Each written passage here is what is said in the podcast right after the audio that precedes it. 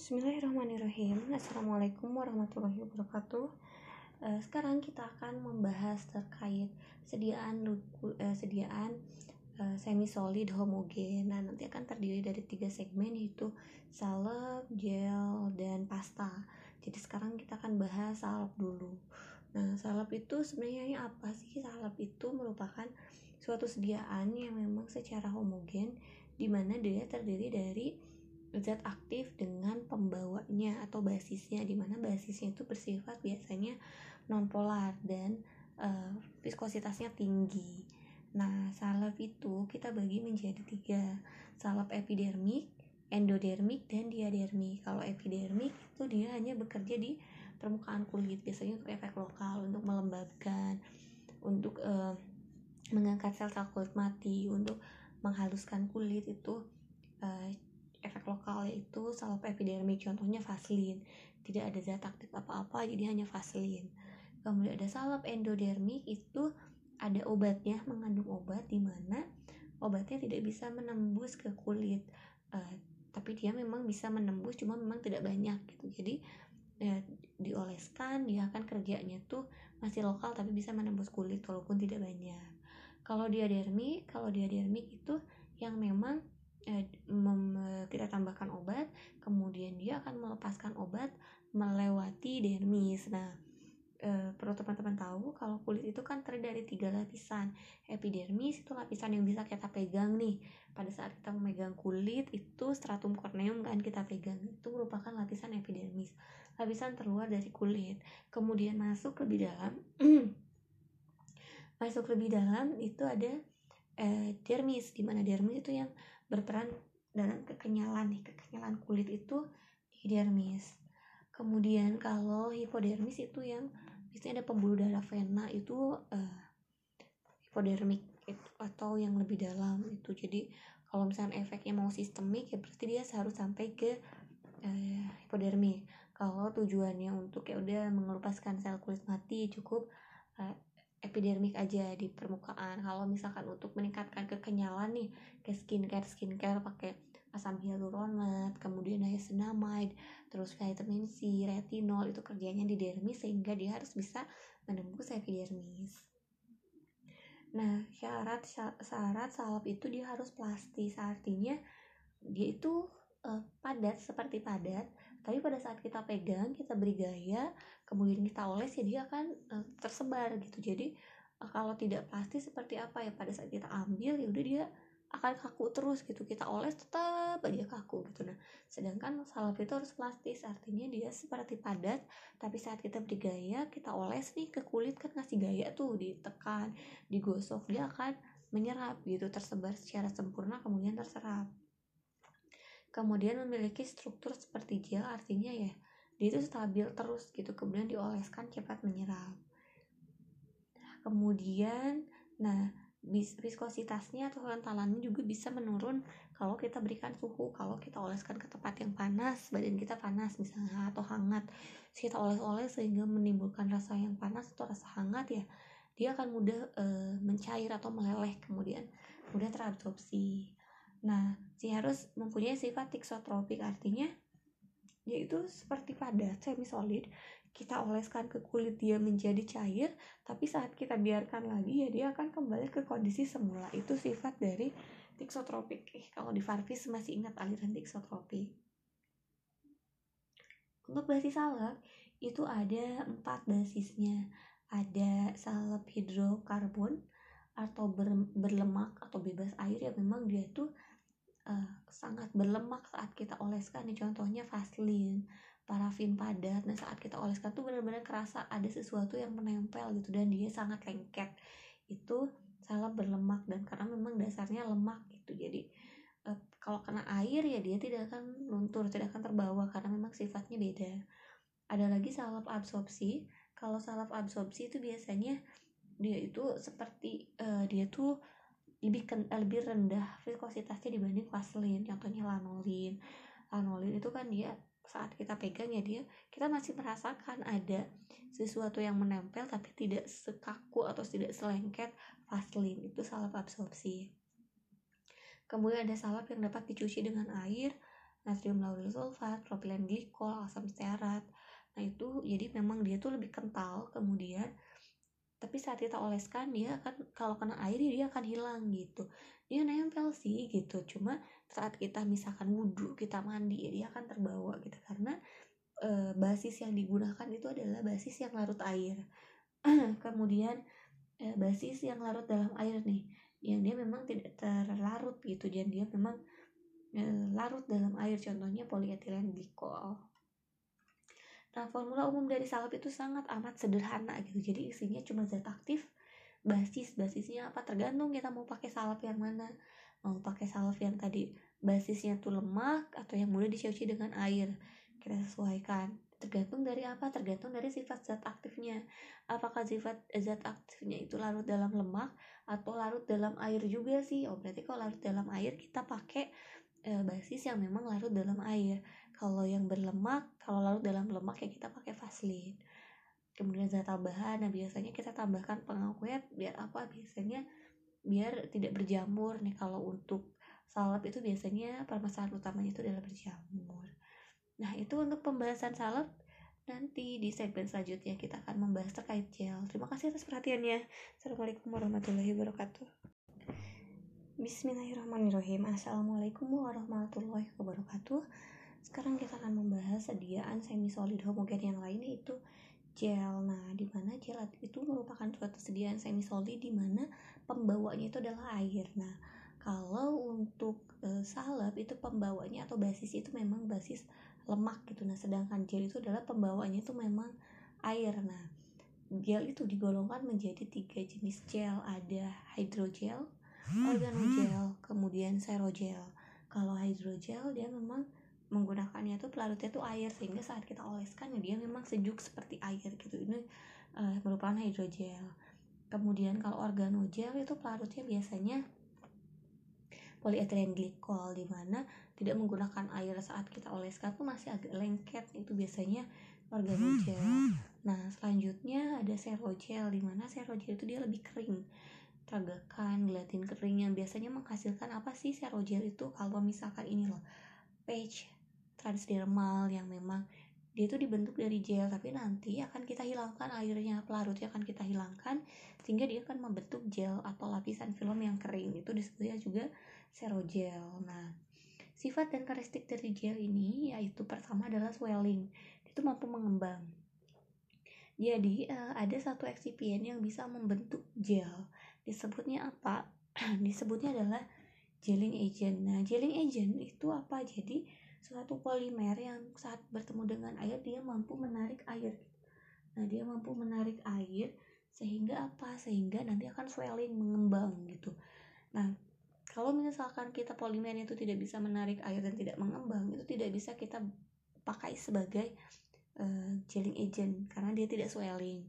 Nah jadi sifat dari gel itu dia harus mengembang. Jadi saat uh, karbopol kemudian ketemu air nanti dia akan mengembang menjadi lebih besar kemudian kental itu adalah swelling. Nah selanjutnya uh, sifat dari ciri itu adanya sineresis. Sineresis itu kalau misalkan nih um, kita formulasi optimasi pembuatan gel. Misalkan menggunakan karbopol ya karbopol 0,5 sampai 2 persen.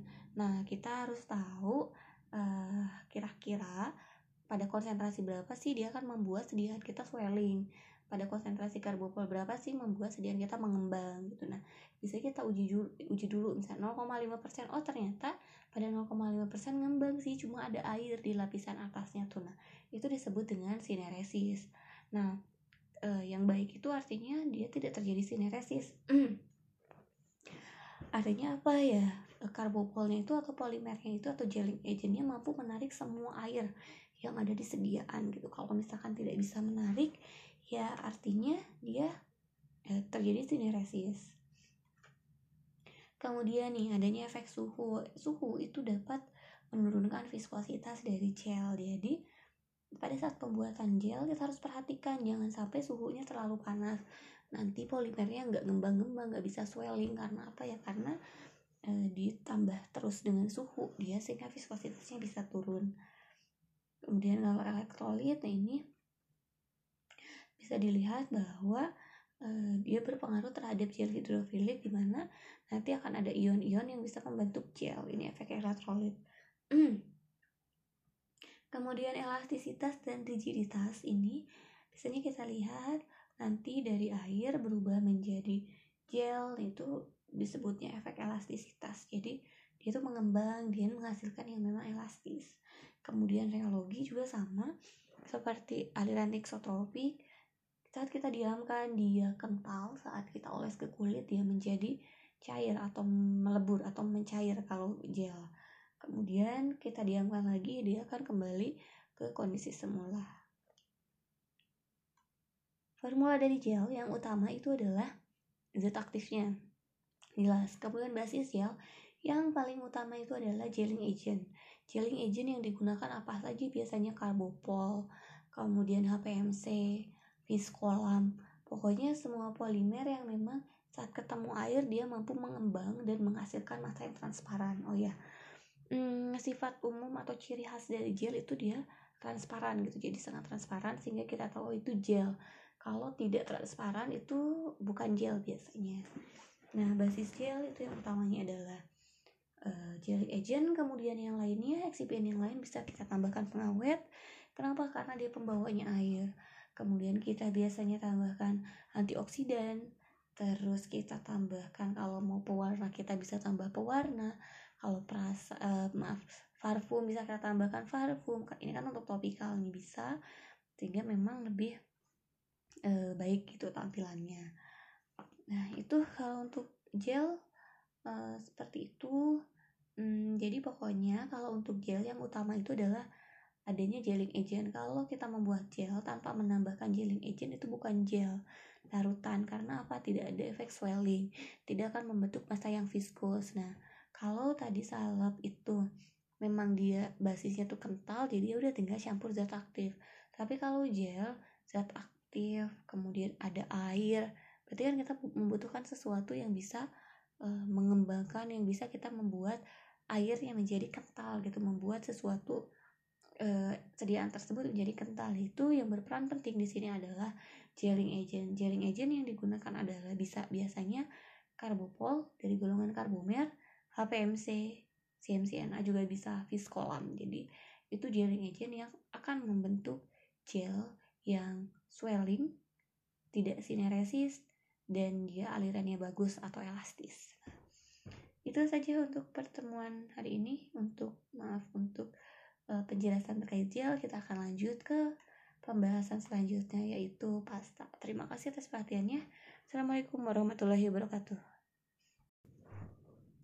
Bismillahirrahmanirrahim. Assalamualaikum warahmatullahi wabarakatuh. Kembali lagi kita akan membahas terkait pasta. Nah, pasta ini itu apa sebenarnya pasta itu merupakan suatu sediaan semi padat yang mengandung sekitar 50% serbuk yang terdispersi. Jadi zat aktif yang terdispersi dalam basis lemak disebutnya dengan pasta. Kalau untuk salep itu kenapa tidak disebut pasta? Karena biasanya zat aktifnya tidak sampai 50%, biasanya 10%, 20%. Nah, kalau kita menggunakan uh, zat aktif yang berbentuk serbuk di mana konsentrasinya 50% atau lebih ya udah berarti itu disebutnya sebagai pasta. Jadi saat kita me, apa sih kita rasakan nih pasta kita kita rasakan pasta atau misalkan kita oleskan ke kulit itu akan terasa seperti ada serbuk. Karena memang dia serbuknya lebih dari 50% pasta gigi itu kan. Beda ada pasta gigi itu dalam bentuk pasta ada dalam bentuk gel. Kalau dalam bentuk pasta kan kerasa banget dia lebih padat. Kemudian saat kita oles tuh kayak karena di mulut kan berair jadi tidak terasa. Tapi saat kita oleskan ke uh, ke kulit itu kita diamkan dia akan membentuk uh, lapisan yang kering gitu. Jadi kelihatan oh ada partikelnya itu adalah pasta. Pasta nah itu uh, bisa terdiri dari gel pasta gel fase fase gel. Nah pasta gigi yang berbentuk gel bisa seperti itu atau berlemak. Nah ini yang kaku zinc oxide biasanya yang memang tidak meleleh pada suhu tubuh tuh kayak pasta gigi ada yang putih itu dia masuknya ke golongan pasta pasta berlemak nah untuk kelebihan dari pasta sendiri itu daya ab, uh, daya absorpsinya tuh lebih besar dibanding salep. Kenapa ya? Karena kan isinya juga 50% zat aktif gitu sehingga akan banyak yang terabsorpsi. Kemudian uh, cocok untuk memang yang uh, mengandung cairan gitu untuk sekresi absorpsi sekresi kayak pasta pasta gigi itu sangat cocok. Kemudian nah, digunakan juga untuk uh, luka akut nih, luka akut yang mengeras terus menggelembung atau mengeluarkan darah sehingga bisa menutup uh, luka tersebut dengan sangat baik kalau kita menggunakan pasta. Nah, kalau kekurangannya karena dia sangat kaku saat kita oleskan kepada tempat yang uh, mengandung rambut yang banyak atau terdapat rambut yang banyak itu sulit untuk diaplikasikan. Formulasi dari pasta itu jelas zat aktif, zat aktifnya 50%, kemudian uh, basisnya bisa amilum biasanya nih. Kemudian zinc oxide mau pakai zinc oxide bisa. Zinc oxide berarti 50% zat aktif sisanya ya, basis gitu jadi 50-50 tapi kalau kita mau tambahin pengawet bisa mau oh biar lebih enak nih dipakai tambahin emolien misalkan olive oil tuh bisa tambahin surfaktan bisa. Jadi kita tambahin zat lain. Dan yang utama itu 50% itu memang zat aktif. Nah itu untuk sediaan pasta. Nah lanjut ke proses pembuatan sediaan semi solid itu ini ada dua cara. Ada fusion atau pelelehan ada triturasi kalau triturasi ya udah e, caranya itu secara langsung. Zat aktif campur basis gerus gerus gerus udah jadi gitu itu metode triturasi. Nah kalau misalnya untuk metode pelelehan biasanya ini terutama kalau misalnya kita akan membuat krim atau membuat salep juga bisa. Basisnya salepnya itu dilarutkan eh, dileburkan dulu dipanaskan nanti baru ditambahin eh, zat aktif kemudian digerus sampai dia homogen. Itu metode fusion atau pelelehan eh, yang mana sih yang harusnya digunakan tergantung dari zat aktifnya apakah zat aktifnya tahan terhadap panas atau tidak apakah zat aktifnya eh, termolabil atau termostabil kalau zat aktifnya termostabil ya udah kita bisa menggunakan metode fusion atau pelelehan. Tapi kalau zat aktifnya termolabil, dia rusak akibat adanya panas ya udah kita buat dia dengan metode triturasi gitu. Jadi tanpa ada pemanasan eh, kita gerus basis, tambahin sedikit demi sedikit zat aktif dan zat tambahan lain sudah jadi. Nah, itu saja untuk pembahasan terkait sediaan semi solid homogen nanti uh, minggu depan kita akan membahas terkait sediaan liquid heterogen dulu baru lanjut ke sediaan semi solid heterogen. Terima kasih atas perhatiannya. Assalamualaikum warahmatullahi wabarakatuh.